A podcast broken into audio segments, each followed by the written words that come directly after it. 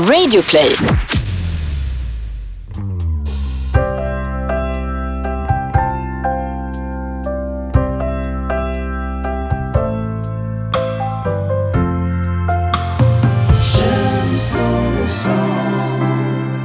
Ja men varmt, varmt, varmt, varmt, varmt, varmt välkommen ska du vara till det 56 avsnittet av Känslor och sånt. Det är jag som eh, heter Kalle, Karl August Kalle Nilsmo och eh, såklart så är jag alltid liksom flankerad av min andra hälft, soulmate, bästa kompis. Niklas utan mellannamn Gran. Du har, du, just det här pratade jag med Elifon på midsommar, eh, din tjej, eller fästmö nu till och med, eh, att eh, varken du eller hon har begåvats med några mellannamn. Nej, och frågan är om det är en bra eller dålig sak. Jag har alltid varit avis på folk som har mellannamn. Mm. August är jag inte jätteavundsjuk på. alltså. Varför inte? Det är hur fett som helst. Kan inte mobba August. August! Det, är- det är coolt. Det låter krångligt, det gör Mm. det. Vad, om du hade fått välja ett mellannamn, vad skulle det vara? Om du fick, du kan ju lägga till ett nu. Ah. Vad som helst. Vad, vad, vad skulle du tro om Folke? Ja, Folke. Eller Melker? Melker. Ja. Hur som helst, Ja. vi är ju tillbaka Kalle från eh, ett eh, fantastiskt midsommarfirande. Vi Mm. var ju ute på Gotland, vi snackade om det lite, om planerna. Det var inte så mycket planer, men vi drog i alla fall till Gotland och firade midsommar. Ja, vi tog ju upp i förra avsnittet att det här med eh, det här med midsommarfirande kan ju orsaka en del ångest och alldeles för höga förväntningar.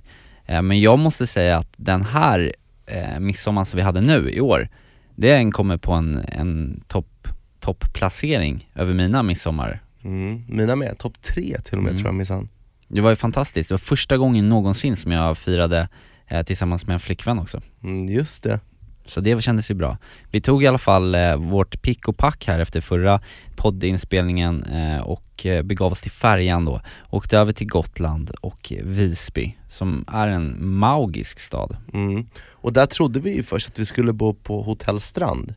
Mm. Men det blev ju lite ombokat där i, i, i sista minuten, så att vi hamnade på ett helt annat hotell men som låg väldigt nära. Hotell Revolver, Mm. ett eh, hotell som inte har någon ens webbsida eller det finns ingen, liksom ingen information om hotellet och då blir man ju så här, ja men man blir lite nervös då.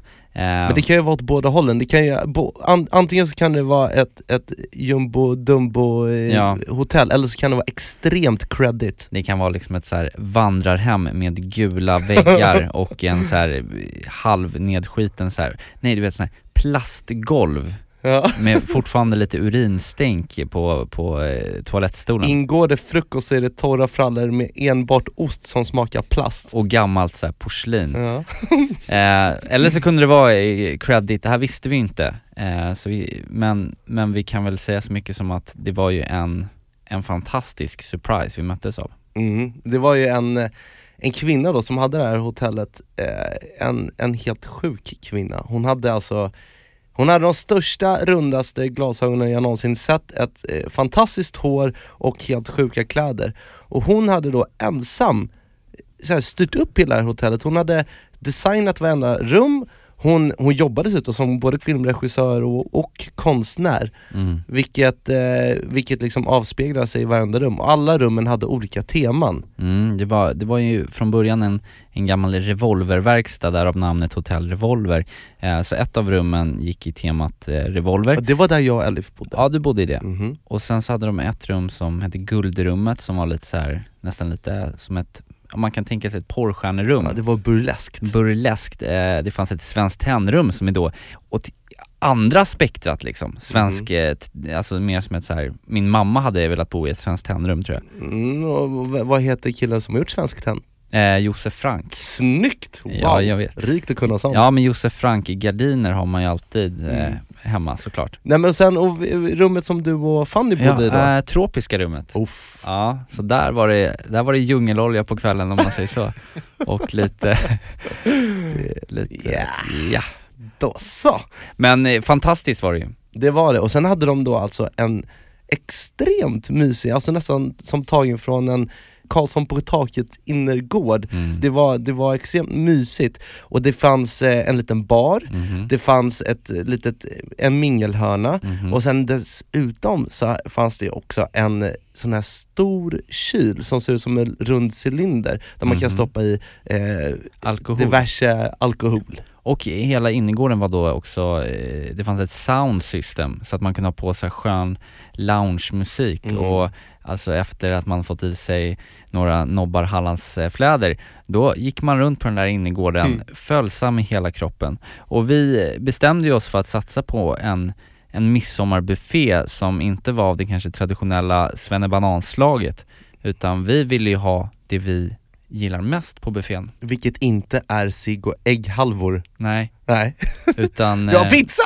Vi gjorde, exakt, vi gjorde pizzabuffé bland annat, men också jättegoda eh, sallader, Mm. eh, vi hade, Olika röror. just det, Snacka baba ganoush, vi snackar lite Mhm. hummusröra, vi snackar Mhm. lite grillad paprikaröra och nypotatis, sallad.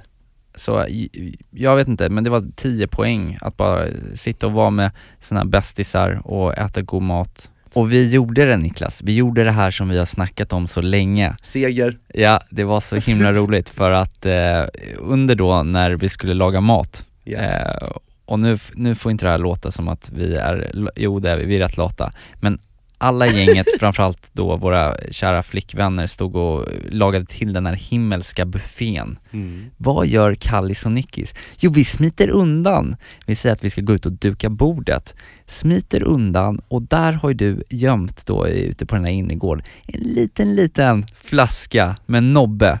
Ja. Och så satte vi oss där Och så tog vi oss varsin kork, vars två korkar, vars tre korkar. mm, Och så mådde vi. och så mådde vi och sen gick jag och hämtade två stycken stora glas också.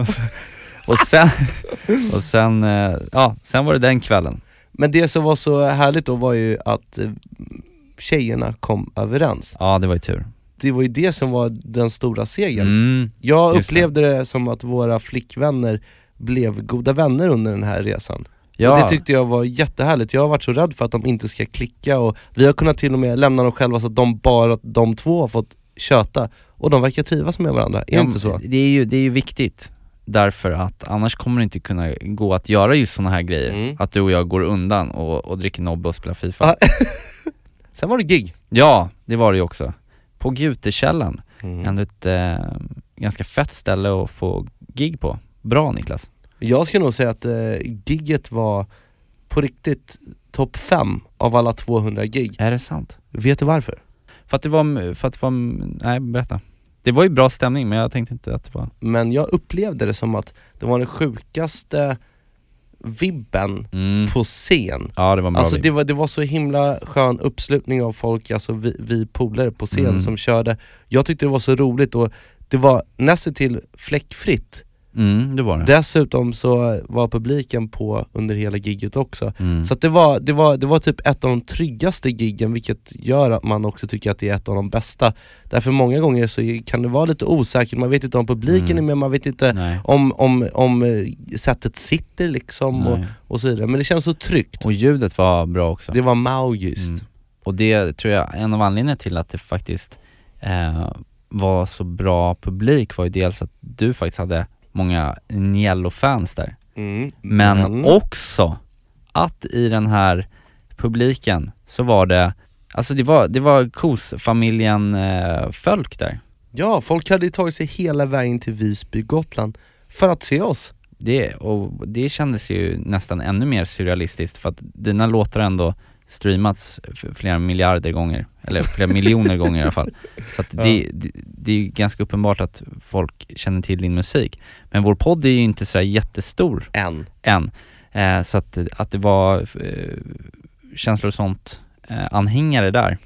Det var stort. Nej men så att, sammanlagt kan man väl säga Niklas att det var en, en fantastisk eh, start på sommaren. Mm. Verkligen. Sen att det inte var beachväder, det, det är inte vårt fel utan det är ju moder naturs fel. Mm. Eh, men, eh, men fantastisk start att liksom få, eh, få komma ut på grönbete. Ja. Dessvärre Mm. så gick det ju en del lusingar. Mm. Man, Jag- man, man brände lite hål i fickan. Ja, ja, det är det här med luncher och sånt där. Alltså Mm. det är, det är ju lätt att man vänjer sig vid det här beteendet att vi tar en liten lus. En lunch utan slut. Och så Ja. några glas på det och sen så, ja, vet du vad, jag var, jag var tog en kaffe, eller två kaffe igår också. Ja. Och man tänker ju inte när man beställt två kaffe. Så går jag in sen för att betala. 126 kronor tack. Och du bara mm? Jag bara, jag bara men vem, vem, alltså vadå, kostar en kaffe så mycket nu för tiden? 50, alltså 63 kronor kaffen, koppen. Ja, så är det för storstadsborna. Eh, så att vi, vi är båda extremt eh, panka. Men vi, vi har ju bestämt oss då för att försöka ta tag i det här med att strukturera upp ekonomin. Mm. För att vi är extremt dåliga på ekonomi, båda oss. Mm. Jättekonstigt. Det hade varit bra om någon av oss var bra. Eh, men vi båda är jättedåliga. Så vi bokade ett möte med en, eh, en revisor. Anna kan vi kalla henne. Ja, ja det var ju det hon hette. så kallade du henne bara för det? Alltså du är så dålig. Ja för du kommer ju obviously inte ihåg vad hon hette så du bara drog till med någonting. Så var det rätt. Ja det var rätt. Eh, och det vi kom på på det här mötet, det var ju extremt pinsamt för att vi, det var, blev så uppenbart hur extremt lite koll vi har på, på, på ekonomi. Man kände sig som ett riktigt barn. Ja, som ett riktigt barn. Och det var, det var ju roligt först att man försökte hålla upp någon form av fasad man, när man bara såhär, ja ja, moms, skatt, ja ja, det, då ska man lägga undan där lite ja. Och sen så bara när hon frågar så här, en fråga till om något annat, så bara, du vet hela, hela den här fasaden bara raseras. Ja, Jag trodde ju att jag var lugn för att det enda jag gick in med var så här: nej men jag skulle vilja eh, ombilda mitt, en, min enskilda firma till ett aktiebolag. Eh, och hon Snyggt surr. och då, och då var hennes motfråga, ja, varför vill du det då? Nej men det, jag vet Alltså, jag vet inte, det låter skönt. Alltså jag vill väl mest liksom kunna så här. eh, nej men hade inga svar. Men det vi kom fram till någonstans med just mötet som vi hade med henne var att vi skulle försöka överlåta alla våra, eh, alla våra eh, eventuella intäkter till att hon skulle ta hand om det i alla fall och sköta det. Det kändes ju tryggt. Det kändes bra. Jag, man, hon, jag tror att hon fick lite moderskänslor. Ja, att ta hand om stackars killarna som inte Jag, fattar någonting. jag undrar hur länge man kommer kunna spela på moderskänslor. Ja, blir lite tokig när man är 40 och ska bara... Ja, jag vet. Men det är ju, eh, det är ju tyvärr lite så att ehm, det här ändå med, eh, med pengarna är ju, En viktig faktor. det är ju en viktig faktor och i dagsläget kära kosfamilj så eh, tjänar vi inte tillräckligt mycket pengar på den här podden.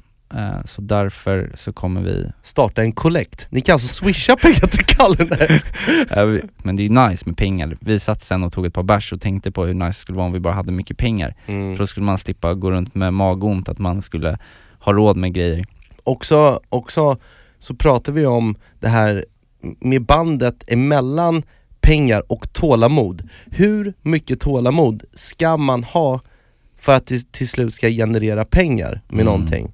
För man kan ju köra på sin passion, Just det. vilket är jättefint. Jobba för att ens passion ska blomma upp och sen så helt plötsligt ska det generera pengar. Mm. Men hur lång tid tar det? vad, vad skulle du helst, var sätter man den liksom gränsen? Göra någonting du älskar Mm. för lite pengar eller göra någonting du inte gillar för mycket pengar? Eller Det är ju så, alltid den där balansen. Man vill ju i bästa världen så gör man någonting man älskar och får mycket pengar. precis. Men, men det kanske inte är värt att göra det man älskar om man måste bo på gatan. Nej, så Nej. är det inte.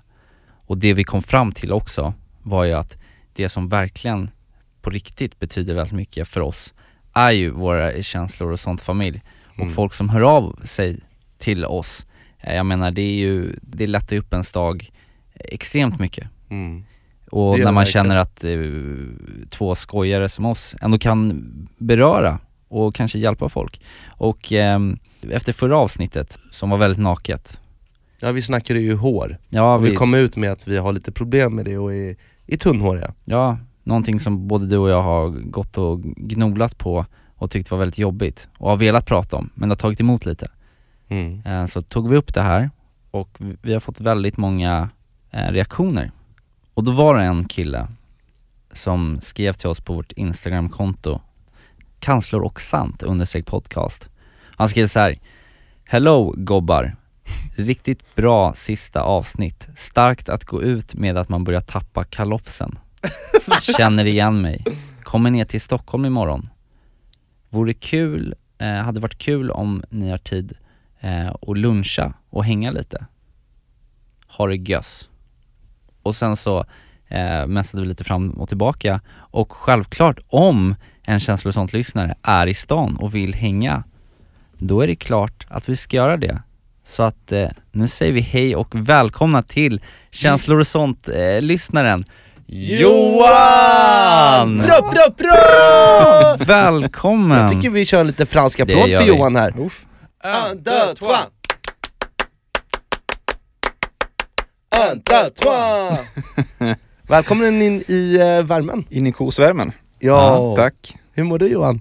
Jag mår bra. Känns overkligt att sitta här med er. På vilket sätt då? Man har alltid haft er i öronen och uh, kunnat gått och lyssnat på er och reflekterat över vad ni har sagt och funderingar och tankar. Och så nu sitter man här. Och ni är ju väldigt, eh, väldigt fina och öppna som jag trodde att ni skulle vara. Så eh, ni lever också upp till förväntningarna. Åh, gulligt. Så du, du, har alltså, du har alltså lyssnat på, på eh, hur många Vartenda avsnitt? avsnitt. Ja, varenda Alla avsnitt. Och eh, det, jag har ju lyssnat igenom, jag har varvat känslor och sånt. Ja, det är underbart. Ja. Har, du- har du något favoritavsnitt? Det är ett avsnitt som jag har nästan ett sönder, som är avsnitt 40. Och det är med Mikael Tornving. Ja, ja, ja. Med Micke. Ja. Mm. Jag startar alltid min dag med det avsnittet. Och ehm, han får en att liksom tänka till och liksom få en bra syn på livet. Och surret ni har i det avsnittet är väldigt, väldigt avslappnat och roligt och det är väldigt tankvärt. Mm. Vad härligt. Visst, Mm. visst är Micke lite som en pappa när man lyssnar på honom? Ja, det Man är han. lyssnar, Han- verkligen. Ja, han har bra synsätt men ändå har han lite barsk i tonen Ja. sådär, så att det blir att man sträcker upp sig lite. Toppar Kan, kan vara till sig. Ja. Vi blev väldigt glada när du hörde av dig här efter förra avsnittet. Även om jag och Niklas har gått och pratat mycket om det här med håret, eh, så ja, det var ju ändå lite jobbigt först att, att, att ta det liksom, vad ska man Mm. säga, offentligt om man Mm. kan säga så. Verkligen. Eller offentligt för resten av Mm. familjen som lyssnar, eh, känslor och sånt familjen. Vad kände du när, när vi började snacka om, om eh, att håravfall och att tappa håret? N- n- när jag såg eh, er rubrik, så här, håret, Ja. tänkte jag oh shit, nu kommer. Mm. Du hade Och- väntat. Ja, jag hade väntat för att ni har ju teasat varandra och retat lite grann så och, och om och, Ja. och sen när ni, när ni öppnade upp det som ett A-möte så kände jag att oj, här, de här två kan man öppna upp sig för och liksom prata och referera om sånt som är jobbigt och just håret är ju väldigt jobbigt. För man har inte samma kalofs som man hade Nej. för tio år sedan. Hur, hur gammal är du Johan? Jag är 27. Du är 27. Mm. Och du kände också att du började tunna ut där, när Alltså då? man, ja, man, man har väl insett vad den här så kallade 30-årskrisen är för någonting. Det är just det här att kroppen förändras och att eh, man måste man måste förändras med den på något vis. Mm. Och Snyggt. eh, jag märkte väl för två år sedan att det vart lite tunnare och att man börjar få lite högre vikar. Och jag har alltid haft frisyrer Mm. man har ställt åt olika håll och sådär. Jag har varit väldigt mån om mitt hår. Men eh, sen började folk kommentera att man börjar se lite, att det börjar bli lite tunt och man börjar få höga vikar och, Mm. och tracka lite för det. Mm. Och eh, jag har ju kompisar som har tappat håret. Och de känner man ju verkligen, eh, du är inte värd det där känner man. Mm. Så, ehm, men jag tänkte om och liksom, ja, men man får väl anpassa sig lite grann. Och jag har ju fortfarande bra volym på håret men eh, man har ju börjat känt att det har tunnat ur lite grann, blivit lite livlöst och så. Mm. Man har fått lite högre vikar. Har du kunnat prata med dina vänner som är, som är, som kanske tappat mer hår än vad du har gjort? Eller är det någonting som ni låter vara, och man bara vet det men man pratar inte om det?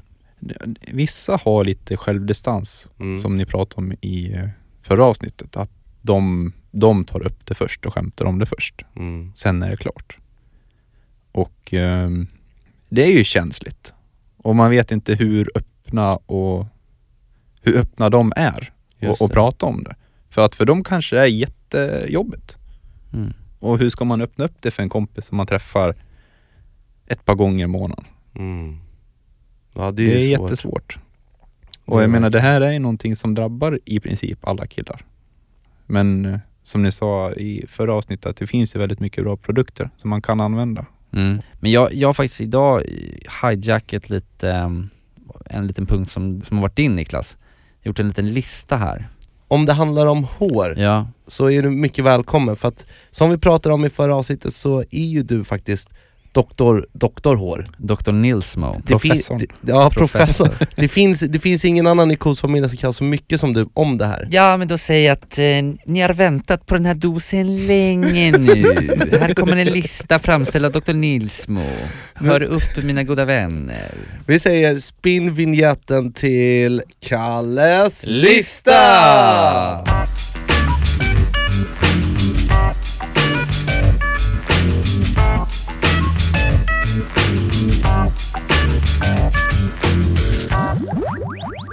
Och i den här listan då så, så tänkte jag ju, eh, jag vänder ju mig till alla våra Balding Brothers som lyssnar, som känner att de har, är i ett stadie eh, av osäkerhet kring håret, att man känner att man börjar att få sämre hår. Och det som är vanligt att man känner då är ju en hjälplöshet, lite smått, ganska mycket panik eh, och en väldigt brutal jävla ångest. Mm. Och då är det viktigt att tänka på nummer ett. Var ärlig mot dig själv. Mm. Tycker du att det är jobbigt att tappa hår så är det okej. Och man behöver inte tycka det är jobbigt heller, man kan ju känna att det är helt okej, det är inga problem. Grattis, vad härligt. Men om du tycker att det är jobbigt så är det okej, för att man får ofta eh, höra då, och det här vet jag inte om du känner igen i också Johan, men att eh, om man öppnar upp sig lite då, kanske till familj eller närstående och så säger man ja, jag tycker jag börjar ju tappa håret här. Och så möts man av äsch, det är väl ingenting. Det gör Mm. väl alla killar. Mm. Raka av dig! Ja, så. Ja, det är standardsvar. Mm. Eller hur? Ja, och, Och- väldigt många säger ju så. Och då börjar man ju doubta sig själv, ja, ja okej, nej, ja jag ska väl inte göra någonting åt det här. Men man känner att det är någonting man kanske verkligen vill göra någonting åt. Var ärlig mot dig själv eh, och eh, besvärar du dig så mycket av det här att, att du mår dåligt, ja men då, då är det klart du ska göra någonting åt det. Fint Kalle. Nummer två. Var kritisk med informationen på nätet framförallt då. Det här upplevde jag väldigt mycket när jag eh, började tappa hår och ändå kom till en insikt mot mig själv att, vilket jag gjorde ganska tidigt, att det här är någonting jag tycker är jobbigt, någonting jag vill göra, göra någonting åt. Mm. Ja, vad gör man då? Då försöker man ju googla. Man skriver in, tappar hår, vad gör jag? Och man möts av massor av så kallade mirakelprodukter. Ja. Köp det här schampot, få mer volym, rädda, rädda ditt hår, bam bam bam. Jag vill ha allting som säger det där. Mm. Och man är väldigt skör i det läget när man är desperat och kan tänka sig att vända upp och ner, ut och in på plånboken bara för att typ få tillbaka sin kalofs. Vilket gör att man köper en himla massa produkter som väldigt många inte funkar överhuvudtaget. Jag skulle säga 90% av det man kan köpa över nätet har Mm. inte någon som helst betydelse för ditt hår om du har drabbats av androgen alopeci, alltså manligt håravfall. Men fi- finns, finns det någon eh, Finns det någon speciell sida då som du kan rekommendera eller alltså hur, hur gör man för att sålla då bort de här 95% av skitprodukter så att säga? Mycket bra, för här kommer vi till punkt nummer tre. Oh. Be om hjälp. Vilket är väldigt svårt. För att av någon anledning, eftersom vi alla lever i en förnekelse kring att det, det här tabut med håravfall och vi pratar så lite om det, Mm. så var ska man söka hjälp någonstans? När man inte kan fråga eh, någon som familj eller polare, eh, alla går och liksom har locket på om det här med håravfall eh, och på nätet så finns det en massa scam-sidor, eh, då är det väldigt svårt att hitta hjälp. Men jag skulle eh, vilja rekommendera, förutom att då att gå till en riktig doktor, eh, som kan vara bra att göra bara för att om det är en doktor som har lite koll på det här, vilket inte alla doktorer har, men många ska ändå ha det, så kan de ändå faktiskt sätta en diagnos på att du håller på att tappa hår, vilket kan vara skönt mot en själv liksom. Mm. Ehm, och sen så skulle jag vilja tipsa om ett nätforum som heter lookgood.se Uff, världens bästa sida. och där har massor av eh, Balding Brothers eh, samlats eh, eh, och eh, under då flera olika kategorier eh, Eh, delat med sig av sina erfarenheter. Här hittar du allt ifrån nya metoder och eh, rön, framgångssagor, eh, alltså folk som har använt sig av produkter som, som har lagt upp bilder hur det har förändrats. Här finns det, ja men som liksom en klagomur, folk berättar om sina resor och sina historier Um, och det är, en väldigt, det är en väldigt schysst och bra stämning. Man känner verkligen att man hittat hem för här är, ett, här är en sida för massa killar som håller på och tappar hår, som är i olika faser och som provar olika saker. Uh, och, och, som möts helt anonymt. Ja, och mm. uh, han uh, som är um, upphovshavare till den här som går under, jag kommer inte ihåg vad han har för användarnamn, men han är, um, han, han, han är grym. Så där kan man faktiskt eh, hitta bra information tycker jag. Eh, och där lär man sig eh, också ganska tidigt att i den här djungeln av produkter så finns det egentligen bara en välkänd trio som funkar som kallas för the big three. Och the big three tänkte jag berätta det mer Det låter så jävla mäktigt. Ja, the big three.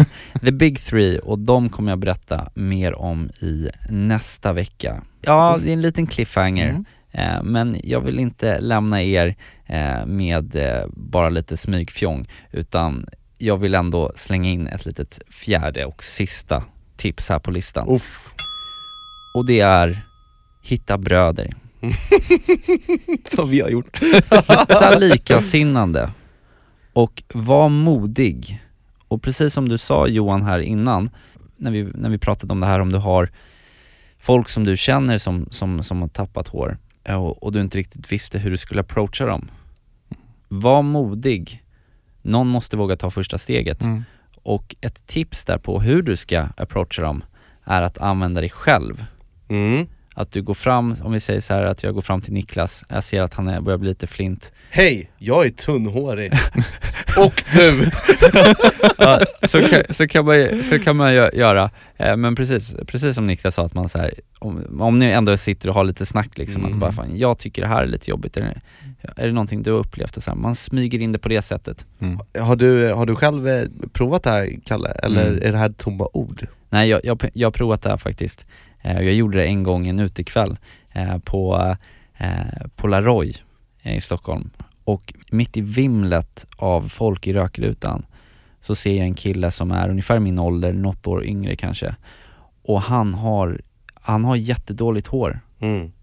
Han är långt gången i sitt håravfall och någonstans så bara känner jag i hans liksom aura att han mår så dåligt över det här det blir ju, det blir någon slags sjuk connection precis som du Johan har kommit in här och vi har kunnat bonda liksom över det här. Mm. Vi på något sätt, det är som att man, man får en, en connection till andra mm. Balding Brothers. Eh, och eh, jag tror att, jag, jag, gick, jag, gick, jag gick fram till honom och så började jag prata med honom. Bara rent allmänt. Liksom, mm. så här. Och så öppnade jag upp mig själv och så sa jag att, eh, att ja, men jag har börjat eh, jag har börjat liksom tappa håret, jag tycker det är jobbigt. Um, och uh, jag såg att han vek undan lite med blicken först och sen så, så tittade han på mig och bara, han bara, jag tycker det är så jäkla jobbigt jag också. Och oh. jag bara, jag bara, ja jag förstår det så Och sen så bara, sen så var det bara, vi stod nog där i typ två och en halv timme Oj. och pratade. Och han, han fick mitt, eh, mitt, mitt nummer och mina kontaktuppgifter eh, och han var ju, han var ju, han var ju lost för att han hade ingen att prata med. Han mm. hade inte haft någon att prata med det där, han hade inte någon aning om vad han skulle göra åt det, men han mådde riktigt dåligt mm. över det. Um, och så och, kom du som en räddande ängel? Ja, eller jag tror inte, jag, jag kunde inte göra liksom så mycket åt det då, men bara att ha någon att prata med, precis som jag och Niklas har pratat mm. om det. Om någon skulle fråga mig nu idag vad som har varit eh, mest behjälpsamt ändå i, i det här så är det faktiskt att haft Niklas att skoja om det, för det har på mm. något sätt mm. neutraliserat det här som man tyckte var eh, en stor identitetskris. Mm, verkligen. Nu kan jag, eh, om, om jag blir utsatt för en, en situation där jag, där jag tycker att det är jobbigt att ha lite dålig frisyr, om jag ska stå och snacka inför folk eller någonting och sådär, så kan jag alltid vända mig till Niklas sen och bara åh så det var så sjukt pin du vet, jag hade, stod där så hade jag dåligt hår också, då kan Niklas bara känna igen sig i min smärta. så in i helvete. Ja, ibland kan Niklas komma hem till mig och så står jag där framför spegeln och så bara, åh fan jag har dåligt hår. Då drar Niklas av sig kepsen, bockar ner och så här. Kolla här då! Vi är bröder i alla fall, vi gör det tillsammans. Det Och det, och, det, och det skapas liksom, då är man liksom inte ensam utan då blir det snarare, det har gått så långt att den här, den här, den här, den här jobbiga eh, smärtan med håravfall har snarare blivit någonting som har blivit en, liksom en grund för vår vänskap. Ja. Så hit, hitta bröder, de finns ju där. Ja, och, och vi kan väl också slänga en liten känga till alla tjejor som lyssnar på det här också. Mm. Att jag, tror det, jag tror att din lista här nu och, och det här eh, samtalet vi ändå har om hår är väldigt bra för tjejer också så att de kan förstå vad deras pojkvänner och eh, killkompisar går igenom också. Mm. För jag tror att tjejer har, inte noll koll kanske, men nästan till. Nej, och vara lyhörda för det. Precis. Men Bra. du, tusen tack för en underbar lista Kalle. Tack så mycket.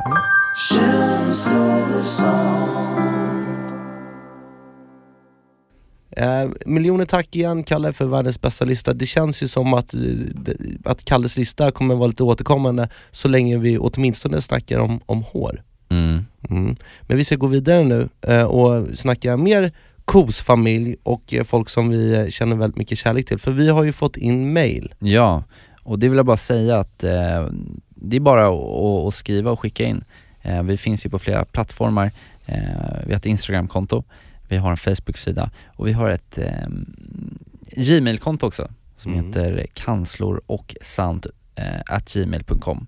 Och där har vi fått ett mail eh, från en lyssnare som skriver så här. Hej mina älskade superfina boys, mina allra första killkompisar. Ni är bäst. Jag har ett litet dilemma och jag hade så gärna velat höra era råd i det här. Jag och min sambo har varit tillsammans i snart sju år. Han är min bästa vän och jag älskar han. Jag är 23 år gammal och han är 9 år äldre än mig. Vi blev alltså tillsammans när jag var 17 år. Jag flyttade nästan direkt in i hans villa med min hund. Jag kastades in i ett vuxenliv som jag älskade i en, till en början, men nu kan jag inte se vart min ungdom tagit vägen. Jag tror jag måste göra slut. Dels för att hitta mig själv och även för hans skull. Jag mår inte bra nu. Och jag är olycklig. Jag vill heller inte att han ska planera en framtid med mig i bilden. Vi planerar exempelvis att flytta och det lutar åt ett ställe som jag vill flytta till. Och där har han fått kompromissa. Det känns inte rättvist att jag ska lämna honom när han gjort en så stor uppoffring för mig. Jag kan inte. Problemet är att jag älskar han ändå och han är min absolut bästa vän. Jag kan inte se mig i ett liv utan att han är med i bilden, som kompis. Jag vet att jag inte har någon anledning att vara självisk, men jag hade så önskat att han inte ska hata mig fullkomligt. Mitt hjärta brister när jag tänker på eh, ta samtalet med honom. Det gör fysiskt ont i mig när jag tänker på att lämna honom, fast jag vet att jag måste göra det. Mina frågor till er. 1. Är ni kompis med något av era ex? Hur? Och nummer två, hur ska jag ta samtalet med honom? Okej, en summering här då. Det är alltså en tjej här som känner att hon måste göra slut. med- Därför att han, eh, hennes partner är äldre, eh, är inne i en annan fas i livet och hon känner inte att hon är där och att hon måste utveckla sig själv på egen hand. Mm, Vad säger du Johan, känner du igen dig i någonting av det här? Både ja och nej. mm, Alltså jag har ju några av mina ex som jag fortfarande är kompis med. Ja du har det? Och håller, håller på den kompisnivån liksom, för att man har ju ändå delat en del av livet med dem. Mm. Men hur går det till eh, rent praktiskt att bli kompis med någon som man, hur går man från att vara jättenära någon, vara Mm. kär i den personen Mm. och sen till att bara okej, nu ska vi inte ligga och pussas och mysas Mm. utan nu ska Mm. vi vara kompisar. Det är en fas man går igenom med den personen. Och eh, sen med tiden så känner man ju att vi inte är rätt för varandra. Och då får man ju ta det steget gemensamt och säga att nej men vi fortsätter som vänner. Men det kanske bara funkar då när det faktiskt är ett gemensamt beslut. Ja, det blir ju enklare att gå vidare då.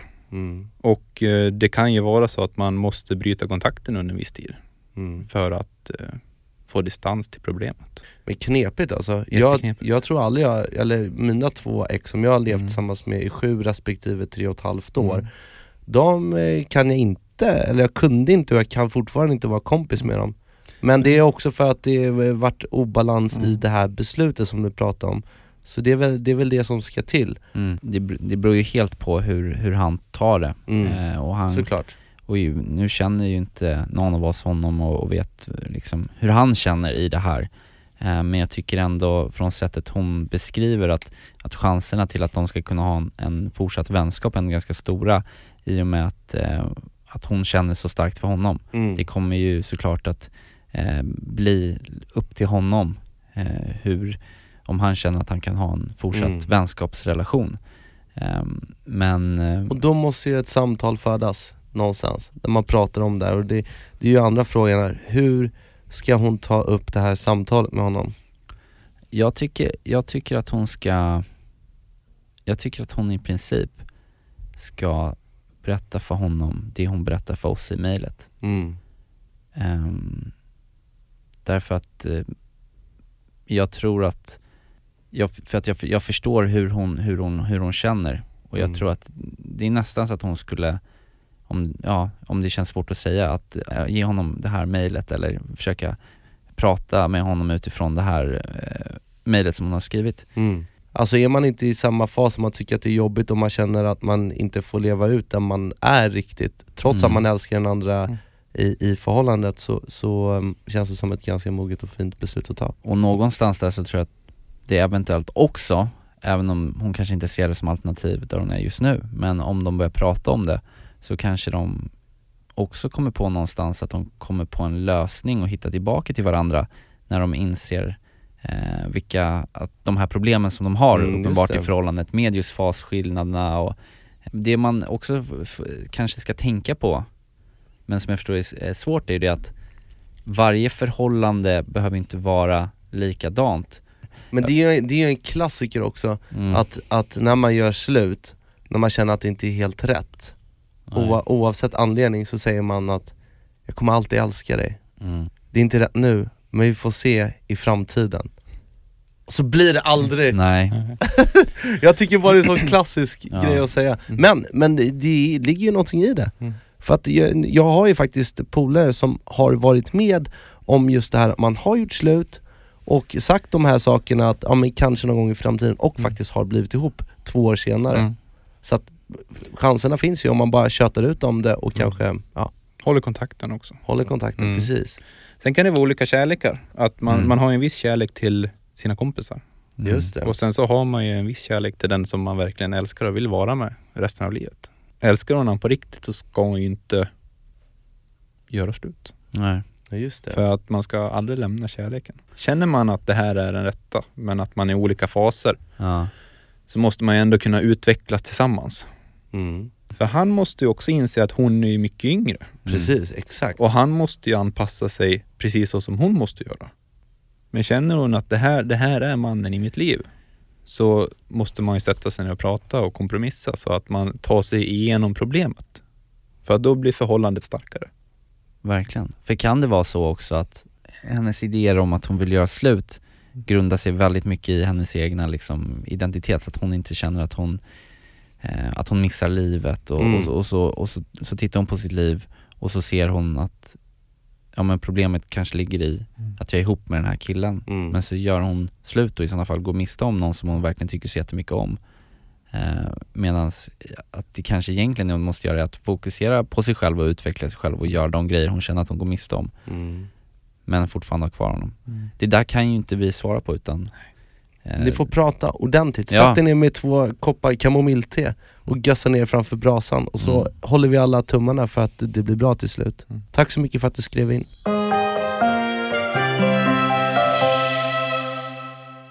Det är ju eh, verkligen ett, en, en unik, eh, ett unikt inspelningstillfälle att vi idag får sitta tillsammans och ha en, en härlig stund med en av eh, våra känslor och sånt lyssnare. Ja, det är jättekul. Trevligt att se er. Det är så Ja, häftigt. Ni, ba, ni bara lyser båda två.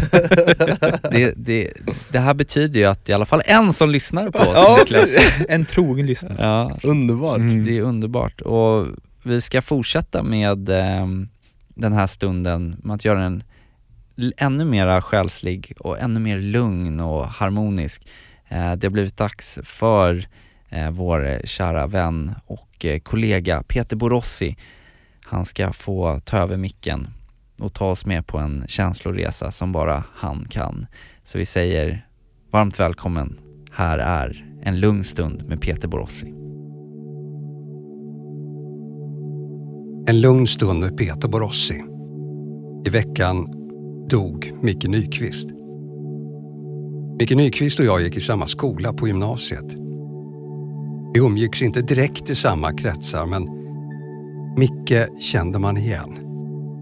Och Micke var omtyckt av alla. När han gick bort så kom det som en chock för oss alla. Några av hans få utvalda närmaste vänner visste om hur sjuk han var. Jag träffade Micke Nyqvist för tio år sedan ungefär. Han var uppe för en radiointervju. Det var inte jag som skulle intervjua honom.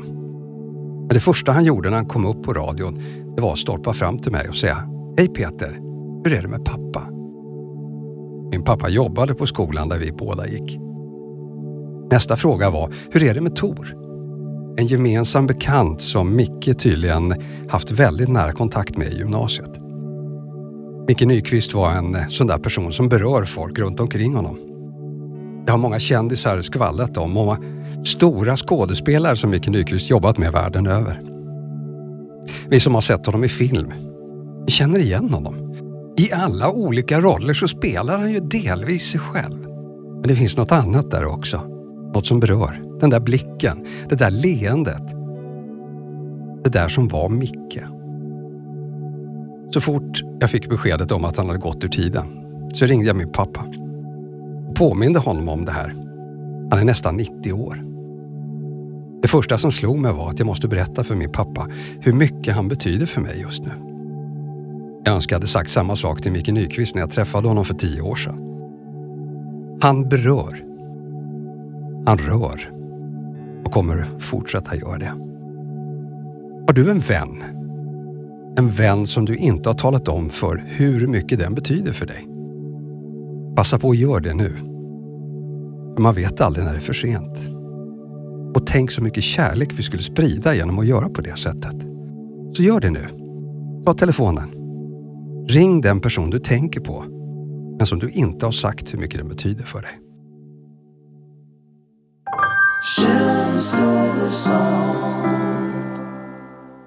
Det är någonting som ni har faktiskt lärt mig genom podden.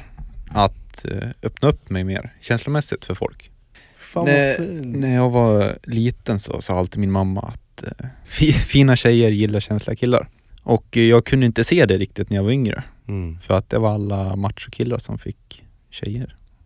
Ja, det är ju en klassiker. Ja, det är en klassiker. Mm.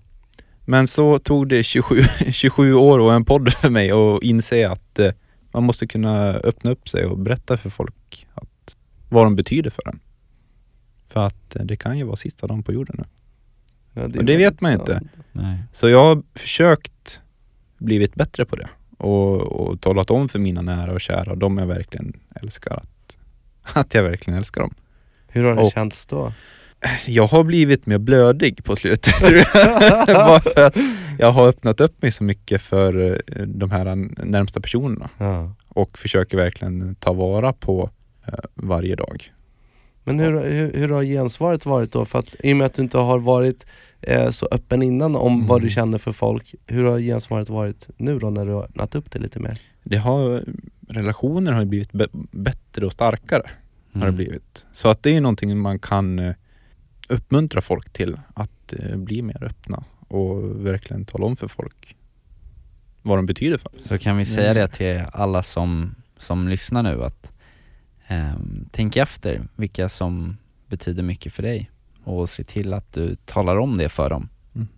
eh, idag. Ja, gör det. Pass på, en, på. på en gång. Pass på. Och tusen tack Peter Borossi för ett, eh, en fantastiskt lugn stund. Mm. Men som vanligt, mina underbara själagössar, så ska vi ju rappa upp tempot här nu lite i slutet. Och eh, det ska vi göra med en punkt som ligger mig och förhoppningsvis er också väldigt varmt om hjärtat. Eh, den här punkten är min favoritpunkt, den heter veckans freestyle och temat för dagen är eh, att man inte ska vara rädd, eller hur Kalle? Mm.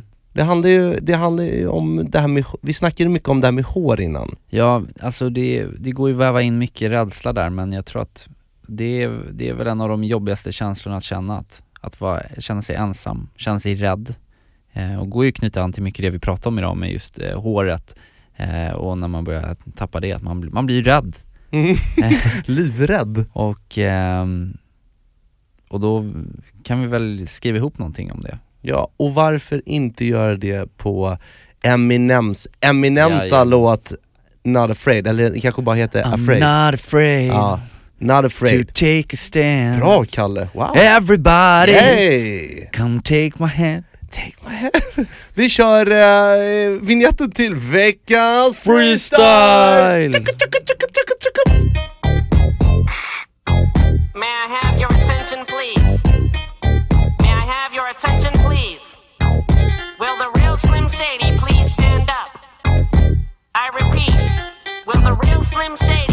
please stand up?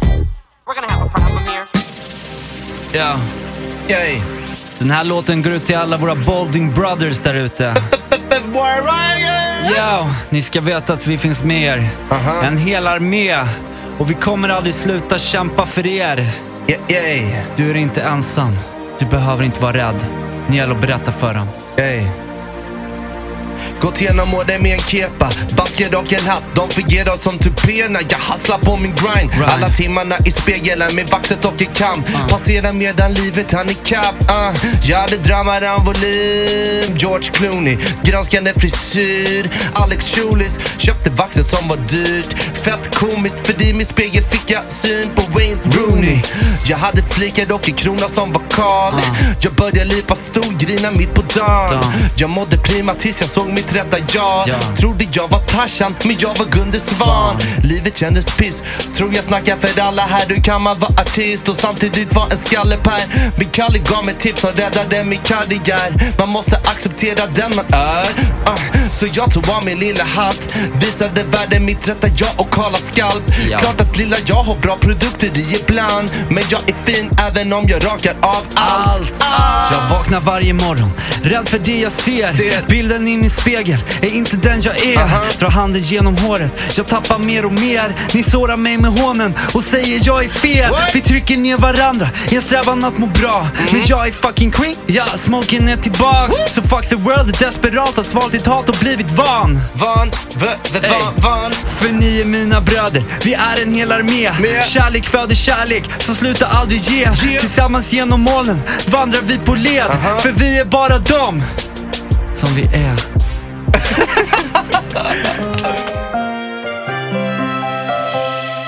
Ja, det, det var ju en, eh, en stark freestyle. Det var ju, det var ju en, eh, den kom ju från den innersta liksom gropen i, i magen Ja. Wow! Flow, Kalle. Du Niklas, eh, på tal om freestyle så eh, freestylade jag lite i veckan här också. Jag snodde ihop en liten tävling också, eller vi snodde ihop en liten tävling eh, som, eh, som vi har haft på vårt Instagramkonto. Mm. Eh, både du och jag har ju pratat väldigt mycket om det här med draken, den ökända draken i käften som vi alla kan drabbas av lite då och då. Vissa är oftare än andra. Mm. Jag känner mig träffad. Ja. Men då kom du med lite botemedel för den här draken, eller ja, hur? ja men det är ju... Du fick såhär respons, Ja men rikt. exakt, eh, och det är då Flux eh, som jag snackade lite med och eh, vi fick då möjligheten att lotta ut en hel års förbrukning av Flux eh, produkter. Eh, och då kunde man tagga eh, på vårt Instagramkonto på en bild som jag la upp där. Eh, ehm, Fem polare var det va? ja, som man tycker borde ansluta till känslor och sånt-familjen. Och som borde lukta bättre Ja men i hugget. Det var ju det jag ville skriva egentligen men det, men det lät, det lät så, det, Jävla hårt. Jag ville inte att folk skulle bli ovänner då på. Det är det svåraste att säga till någon egentligen men någonting som jag tror man, om man får höra det på ett sätt blir mest tacksam av att få höra Särskilt av sin polare Alltså om, om vi skulle på en fest och vi skulle träffa tjejer och grejer och du skulle säga till mig Kalle du luktar drake i käften innan vi kommer till festen Ja. skulle jag ju bli enormt tacksam Mycket bättre än, än att en tjej som man raggar på kommer fram och säger att du har tunt hår och luktar dåligt i hugget. Ja, nej, det skulle ju det förstör ju. Det, då skulle det bli hängsnaran eller pistolen, alltså det, det vill man inte vara med om. Men eh, den personen som vinner den här och kommer ju vara lång för det närmsta året och dessutom få bra tänder. Och jag har inte riktigt eh, tänkt ut hur vi ska lotta det här utan jag tänkte väl mest att jag skriver ner alla på ett papper här eh, som, eh, eh, som har eh, anmält sig till tävlingen och så drar vi bara ett namn. Johan, du kanske kan få dra ett namn här? Vinnaren är... Paulina Magnusson. Oh! Paulina Magnusson alltså. Congratulations! Hoppas att du lyssnar på det här. Eh, vi slidar in i ditt DM och så, eh, så får du hem sen ett, eh, ett, eh, ett schysst kit här. Ettårsförbrukning av Flux helt enkelt. Grattis! Grattis! Johan, Ja, vi är fruktansvärt tacksamma för att du tog dig hit idag och eh, så att vi fick ett ansikte på en, en, ännu en eh, ny medlem i KOS-familjen. Vi är otroligt tacksamma för att du lyssnar på podden, att du sprider den och att du själv vågar öppna upp dig för människor runt omkring dig och för oss. Det är fantastiskt. Det betyder jättemycket för oss Ja. och att, eh, att du tar det som vi lite försöker förmedla med podden och, och liksom applicerar det och kommer att hänga med oss här. Det är ju det är jättestort och häftigt för oss. Så tusen tack för att du vill komma hit. ja tack själva. Och Johan, eftersom du eh, lyssnar på podden eh, varje vecka, vad, vad tror du kommer hända här nu då? Som sista grej. Vi brukar väl citera Niklas eh, farfar. Ja. Ja, det stämmer. Bert! Ja, vad tror vi att han hittar på idag då folk? Det är inte så bra väder. Ja men det är fredag. Men det är fredag. Ja. Vet du vad han brukar göra på fredagar när, när jag kommer på, kommer på besök? Nej berätta. Då har han varit till, nere på pizzerian redan på onsdagskvällen Mm. och förberett eh, pizzabagarna att nu kommer min, eh, min sonson här och han, eh, han är vegetarian. Så vill jag att ni ska ha en färdig eh, vegetarisk pizza här på fredag när han kommer. När, när man då kommer till farfar, då står den där varm, härlig och osar i hela hans lägenhet. Och jag älskar att sätta mig ner med farfar, käka pizzan och ta en liten nobbe. Och då brukar han höja upp den till taket och bara säga en sak. Han säger Hej då!